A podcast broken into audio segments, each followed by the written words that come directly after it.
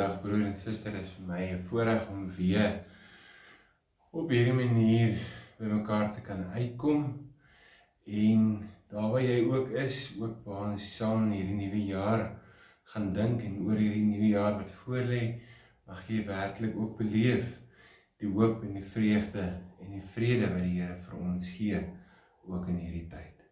Kom ons bid saam. Here, dankie Here dat ons in hierdie oomblik Here kan stil word en kan bid Here en kan vra dat U Here ook in hierdie jaar wat voorlê U teenwoordigheid vir ons kan gee. Here, daar ons ook op hierdie manier bymekaar is, kom vra ons U Here, daar ons saam gaan lees, saam gaan dink oor die woord, Here dat U dit vir ons sal duidelik maak, dat ons sal hoop vind dat ons U vreugde en die vrede sal kry. Here ons kom vra Here dat U ons werklik in hierdie oomblik waar ons saam is, Here ook sal seën met U teenwoordigheid. Ons kom vra dit in U naam. Amen. Ons gaan saam lees uit Lukas 13 vanaf vers 6 voordat ons daai lees, net so 'n stukkie agtergrond voordat om die gedeelte wat ons begin of by begin sien ons Lukas wat wat 'n interessante iets kom skryf.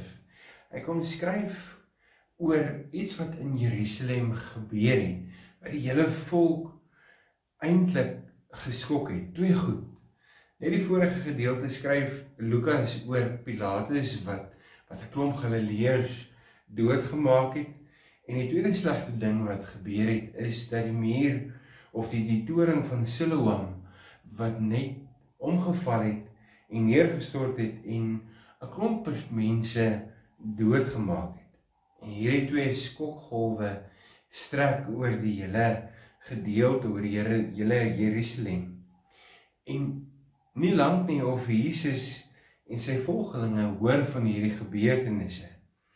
En Jesus kom in hierdie gedeelte en hy beklemtoon juis die terugdraai na God. Die bekering, die belang die die belangrikste is juis die geloofstap in enige persoon se lewe. En so kom hierdie twee rampe en word gesien dat dit nie net gaan oor die verband tussen sonde en straf nie en ook nie die vraag na wie die grootste sondaar is nie maar juis dat dit eintlik gaan dat elke persoon elke mens slegs son met Christus in hierdie lewe en in die lewe hierna nie verlore gaan nie. Dat ons slegs 'n verhouding met Christus die belewenis kan hê en het dat ons ewig saam met hom sal lewe. En op daai punt lees ons dan in Lukas 13 vanaf vers 6 die gedeelte lees dan so daarna het hy hierdie gelykenis vertel. 'n man het 'n vyeboom gehad wat in 'n wingerd wat in sy wingerd geplant was. Toe hy vrugte daarin kom soek maar niks kry nie. Sê hy vir die tuinier: "Kyk, dit is nou 3 jaar dat ek aan hierdie vyeboom vrugte kom soek en ek kry niks nie. Kap hom uit. Waarom moet hy langer die grond uitput?" Maar die tuinier antwoord: "Meneer, laat hom nog hierdie jaar staan. Ek sal die grond rondom hom omspit en bemes. Miskien sal hy dan volgende jaar vrugte dra. Maar so nie kan u hom uitkap." As ons na hierdie gedeelte kyk, sien ons vir Jesus is daar twee soorte mense. Mense wat vrugte dra of mense wat nie vrug dra nie. As ons dit so verstaan en in hierdie op hierdie manier na mense kyk in ons verhouding met God, vertel Jesus dan hierdie gelykenis van die vyeboom, dat die vyeboom in 'n wingerd staan en dit wys nogal dat dit veronderstel is om juis vrugte te dra. Die grond is immers juis geskik vrugbaar vir hierdie vrugteboord. Dis daar geplant en daar is dit waar hierdie vrugtebome kan groei. So die vyeboom kan homself nie as die slagoffer van een of ander omstandighede of droogte of wat ook al of onvrugbaarheid van die grond beskou nie. Want hierdie vrugteboord is juis daar en word juis bewerk sodat dit optimaal kan vrug dra. Maar hierdie gelykenis, so vreemd soos wat dit klink, so vreemd soos wat dit ons dit lees, is eintlik 'n ge, gelykenis wat 'n diepe geheimenis van God se hoop, van God se vrede, van God se vreugde inhou. En daarom lees ons hom dan ook saam in hierdie nuwe jaar en vir hierdie nuwe jaar waar ons ingaan. Waar hierdie nuwe jaar voorlê en so lees ons in vers 18 9 9 hierdie woorde maar die tuinier antwoord meneer laat hom nog hierdie jaar staan. Ek sou die grond rondom hom onspit en bemes. Miskien sal hy dan die volgende jaar vrugte dra. Maar so nie kan u hom uitkap. Die tuinier kyk na hierdie vrye boom en Hy kyk nie net op die oppervlakte nie. Hy kyk nie en en sien 'n vrye boom wat sonder vrugte is nie, maar hy sien die potensiaal. Hy sien juis hierdie moontlikheid van iets meer, van iets groters, van iets wat wat dalk kan gebeur. Vrugte in oorvloed. En daarmee in gedagte gaan hy voort om hierdie vyeboom met die grootste sorg te vertroetel met die grootste sorg gee hy alles wat hy kan om hierdie vyeboom die beste vyeboom te maak. Omdat hy die grond versorg omdat hy dit bemes omdat hy dit omwerk omdat hy dit spit omdat hy water gee is daar die moontlikheid van groot vrug. Al die faktore is gunstig om hierdie amper dooie vrugteboom te laat vrug dra. Die verwagting dat die boom gunstig sal groei is so so 'n ernstige saak by hierdie tuinier dat hy alles gee. En dan lees ons sy getuienis gebeur dit nie dan kan die eienaar maar self hierdie boom uitkap. En dit is juis daar waar die interessante deel inkom dat dit juis die eienaar is wat dan maar moet maak met hierdie vyeboom wat hy wil so asof hy hier sê maar ek wil dan nie sien hoe hierdie boom wat ek 'n jaar lank versorg het vernietig word uitgehaal word nie. Daarom moet die eienaar dit dan maar eerder self doen. En op daai punt moet ons mekaar sê hoor jy en ek die genade en hoop van Christus wat met my en met jou besig is. Hoor ek en jy Christus wat soos die tuinier besig is in ons lewe. Hy is die handelende werklikheid van God in ons daaglikse bestaan, in ons lewe is hy die een wat deur en deur altyd met ons besig is. Wat beteken dit dat hy soos die tuinier alles doen, alles vir ons gee? En al wat ons as mens moet doen is om te reageer en vrug te dra. Om alles in ons lewe juis so uit te leef dat dit 'n getuienis is van God se grootheid, van God se goedheid.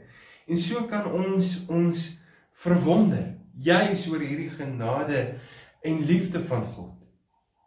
En met hierdie wederliefde van God kan ons in hierdie wêreld juis dit ook uitleef. Nie net teenoor God nie maar ook teenoor ons medemens. Of ons kan die teendeel doen. Ons kan ongeërg daaroor wees onbewus selfs van die persoonlike versorging wat logies gesproke die toewyding van God aan my en jou impliseer. En die diensbaarheid wat ons aan mense moet uitleef, een kant toe skuif. Ons kan so reageer dat in plaas van God se genade en liefde ons ons harte vir hom oopmaak. Ons hande oopmaak en alles in hierdie jaar wat voorlê doen soos wat hy wil. Ons kan in hierdie lewe kan ons op twee maniere reageer. Of ons kan vrug dra of ons kan nie. Maar of of ons kan 'n slagoffer speel van die omstandighede soos die volk van Jerusalem wat na Jesus toe kom in hierdie verwarde tyd wat hulle beleef en sê maar Here wat wat wat gaan gebeur is dit die straf van sonde wat wat is alles daar aan die gang en Jesus wat kom sê maar die belangrikste is ek en jy 'n verhouding sal staan met hom 'n verhouding sal staan met die Here, dat ons sal vrug dra in hierdie jaar wat voorlê. Mag ek en jy bewus wees en bewus word van God se hoop. Van God se vreugde, van sy genade en sy roeping vir ons lewe. Mag dit ons dryf en mag dit ons stuur in ons rig dat ek en jy werklik daar waar ons is, daar waar ons woon daar waar ons werk. Daar waar ons tussen ons mense is, daar waar ons tussen ons werkers is, sal vrug dra.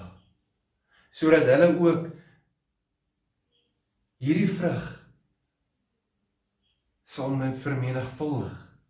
Sodat ons mekaar sodat sodat ek en jy nie vrugtelose vyebome sal wees nie.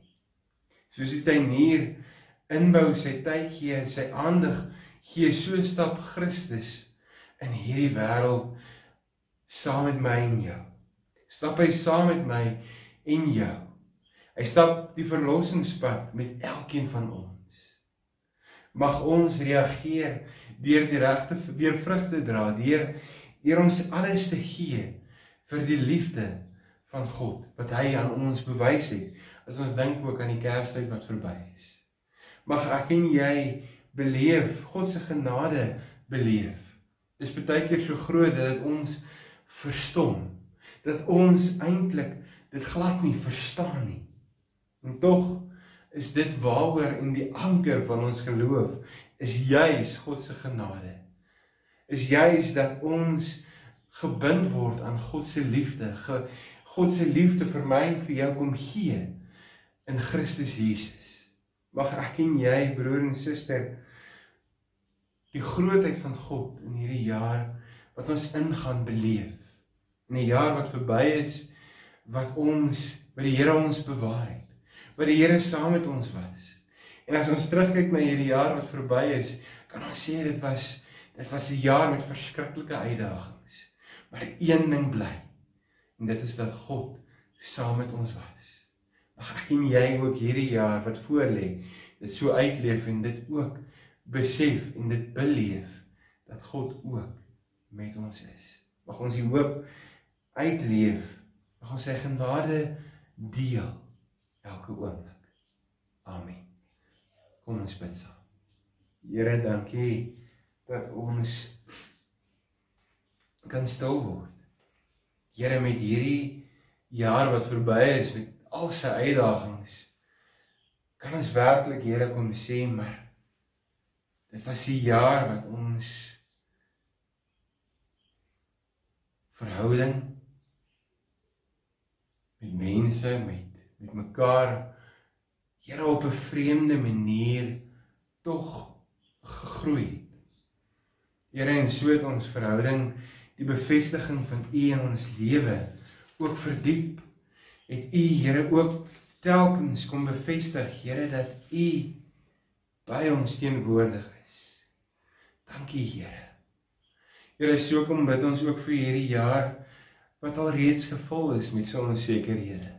Wat al reeds begin met onsekerheid. Here, ons kom bid Here dat ons werklik Here ons anker in U sal vind. Dat ons werklik Here sal vashou aan U hoop. En daarom bid ons Here ook hierdie seën dat U ons hoop sal wees, ons anker te midde van die hooploosheid in hierdie wêreld. Here dat U ons die vrede sal gee en oor ons harte en verstand die wag hou. Here dat U ons vreugde sal wees en ons sal dra in hartseer tye. En daarom Here dat U ons ook in hierdie tyd Here U liefde sal gee en en dit vir ons so werklikheid sal wees dat ander U in ons kan beleef.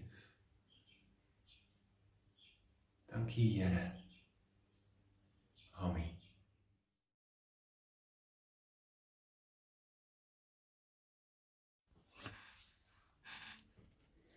Vriende, dit is my 'n voorreg om vir jou ook op hierdie manier weer te verwelkom by ons week van toewyding. Ons gaan in hierdie volgende paar paar dae kyk na die hele gedagte oor toewyding en wat dit beteken. En as ons so begin, begin ons hierdie eerste geleentheid met die met die gedagte dat Jesus as ons vriend, maar meer as dit, Jesus as ons verlosser en ook as ons reisgenoot wat vir ons sy liefde ook kom openbaar. En met dit kom ons bid saam. Here, dankie Here dat ons kan stil word, dat ons U naam kan groot maak. U Here wat ons reisgenoot is, U Here wat ons wat U Here kom kies het om U te volg. Ons kom vra U Here daar waar ons ook in hierdie oomblik om stil word. Ook in hierdie oomblik Here U naam kom groot maak. Breek U woord oop. Ons kom vra dit in U naam. Amen. Ons gaan saam lees in Johannes hoofstuk 15 vanaf vers 9. Soos die Vader my liefhet, het ek julle ook lief. Julle moet in my liefde bly. As julle my opdragte uitvoer, sal julle in my liefde bly net soos ek die opdragte van my Vader uitvoer en in sy liefde bly. Dit sê ek vir julle sodat julle my blydskap in julle kan wees en julle blydskap volkome kan wees. Dit is my opdrag. Julle moet mekaar lief hê soos ek julle liefhet. Niemand het groter liefde as dit nie dat hy sy lewe vir sy vriende aflê. Julle is my vriende as julle doen wat ek julle beveel. Ek noem julle nie meer ondergeskiktes nie, want 'n ondergeskik nie skikte weet nie wat sy baas doen nie. Nee, ek noem julle vriende omdat ek alles wat ek van my Vader gehoor het aan julle bekend gemaak het. Julle het my nie uitgekies nie, maar ek het julle uitgekies en julle aangestel om uit te gaan en vrugte te dra. Vrugte wat sal hou soos die Vader aan julle gee wat julle ook al in my naam vra. Dit beveel ek julle. Julle moet mekaar lief hê. As ons hierdie gedeelte so bietjie in 'n in 'n konteks sit, dan sien ons dat hierdie gedeelte tussen twee interessante gedeeltes staan. Die eerste gedeelte net voorafgaande sien ons dat Jesus en sy disippels op 'n plek is en dat hulle opstaan van die tafel af toe hulle net klaar geëet het en hy net vir hulle klaar beloof het dat hy eintlik van hulle afskeid neem. En heel waarskynlik het hulle verby wingerde geloop en met hierdie konteks so 'n bietjie ag in hulle agterkop gebruik Christus hierdie voorbeeld van 'n wingerdstok en verwys na homself as die ware wingerdstok. En dan is dit die gedeelte wat ons sopas saam gelees het. En dan net daarna in vers 18 die belofte dat die wêreld die disippels sal haat. En as ons na hierdie gedeeltes kyk, dan sien ons eintlik dat dat hierdie gedeelte eintlik so halwe hawe is om te kom hoop skep. Eintlik 'n 'n veilige plek te midde van die onstuimigheid. 'n Plek vir asem skep, 'n plek waar as die storms van die lewe te erg is, ons vir 'n oomblik kan stil word en weet dat God tog in beheer is. Ons sien by Jesus dat liefde meer is as lippetaal. Dit is meer as 'n mooi gesindheid en voornemings, maar dat liefde eintlik daaroor gaan om jouself prys te gee. Liefde is eintlik daar om die ander te te bevoordeel. Jesus het ander gehelp en bemoedig, hy het vir hulle gebid en hulle gesond gemaak. Hy sy lewe vir ons gegee toe ek en jy toe ons verlore is, toe ons sondaars was. Dan lees ons hierdie volgende vers: Niemand het groter liefde as dit nie, dat hy sy lewe vir sy lief vir sy vriende aflê. Julle is my vriende as julle doen wat ek julle beveel. Ek noem julle nie meer ondergeskiktes nie, want 'n ondergeskikte weet nie wat sy baas doen nie. Nee, ek noem julle vriende omdat ek alles wat ek van my Vader gehoor het aan julle bekend gemaak het. Ons verhouding met die Here is nie meer soos die wat van 'n werker en 'n baas of 'n ondergeskikte soos wat die gedeelte dit stel nie, maar die Here kom en gee vir ons en openbaar homself in, in hierdie gestalte om met ons in 'n verhouding te staan. Soos 'n vriend en vriende niks vir mekaar wegsteek nie. So het Jesus Christus aan my en jou alles kom openbaar van die Vader se hart. En hy hom het hy aan ons alles kom oorvertel. Daar is geen geheime nie. Hy het die volle boodskap van verlossing aan my en jou bekend gemaak. En is eintlik om oor in verwondering te staan want Christus ken ons. Ons hoef nie weg te skram of te voel ons kan nie met hom kommunikeer nie. Maar juis dit bring ons en ons veronderstel om om by ons blydskap te bring, 'n ewigdurende blydskap wat in Christus self gesedel is.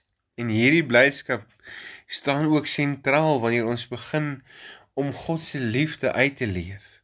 Wanneer dit te doen, kom Christus se liefde tot uitvoering in en deur ons in hierdie wêreld leer ons en sien ons en beweeg ons as Christus se disippels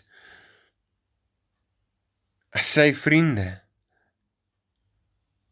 en stel dit ook my en jou bereid om ons lewe vir mekaar af te lê.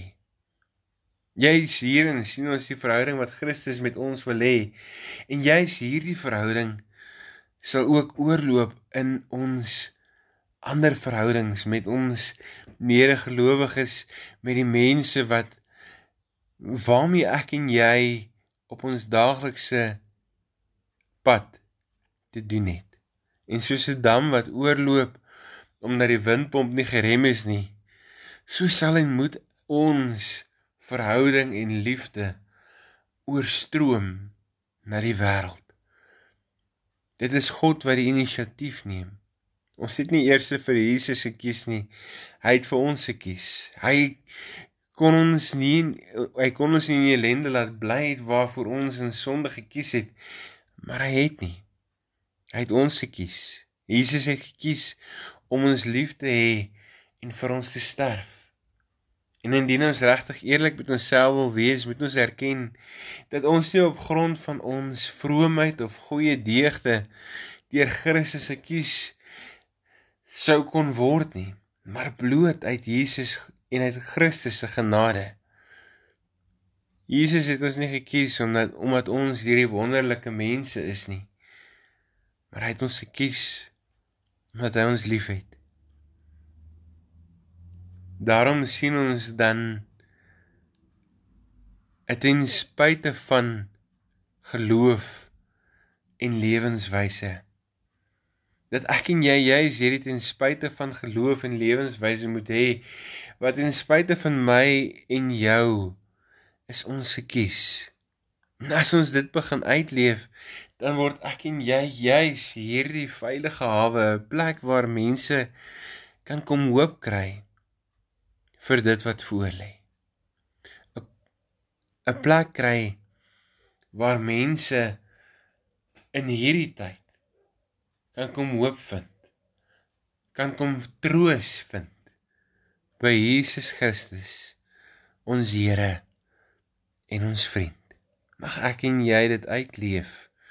Mag ek en jy hierdie lewe so 'n bietjie ligter maak. Bietjie ligter laat lyk. Ook verander omdat ons hierdie lig van die wêreld ontdek het. Amen. Kom ons bid saam. Here, dankie Here dat ons U kan ken. Dankie Here dat U met ons in 'n verhouding kom staan. Dat U ons kies, dat U ons liefhet. En Here, daar waar U ons ook in hierdie wêreld instuur met die opdrag gaan wees lief. Here gee U ook U genade. Here dat daar waar ons is, daar waar ons beweeg, daar waar ons voete die aarde raak. Here ons U liefde sal uitdra. Ons kom vra dit Here in U naam. Amen.